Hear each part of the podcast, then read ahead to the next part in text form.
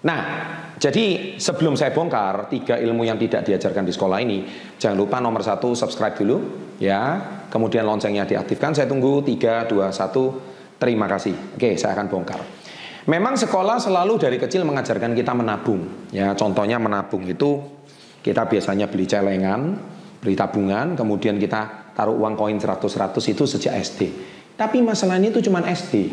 Dan ketika SMP itu kita sudah nggak diajarkan tabungan lagi, apalagi SMA atau SMK. Itu akhirnya habit itu hilang. Ya, padahal kebiasaan menabung itu sejak SD kita sudah diajarkan. Nah, tetapi guru cuma mengajarkan kita nabung itu hanya kepada sebuah tabungan yang kecil. Tapi padahal ada tiga ilmu finansial yang bukan cuma menabung di celengan, tapi ada ilmu finansial yang harus kita kuasai dan inilah yang sangat dianjurkan oleh para miliarder-miliarder dunia. Nah, ilmu finansial pertama tentang menabung itu adalah nomor satu itu menabung itu sama dengan menyelamatkan. Nah, jadi artinya apa? Saya selalu mengajarkan apa maksudnya menabung sama dengan menyelamatkan. Saya sudah perhatikan banyak subscriber saya sejak saya membuat konten menabung sampai hari ini hampir bisa dikatakan tidak ada yang bisa menyelamatkan penghasilannya.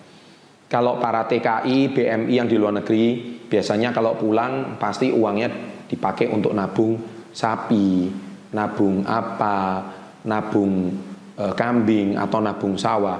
Itu masih lebih bagus, ya. Tetapi kenapa saya harus pakai kata menyelamatkan? Ya, menyelamatkan itu e, lebih ekstrim daripada menabung.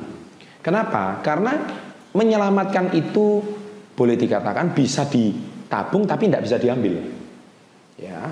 Kalau persepsi masyarakat Indonesia tabung itu tapi besok dilihat eh ada uang nganggur diambil lagi. Nah, kapan uangnya menjadi aset? Gitu.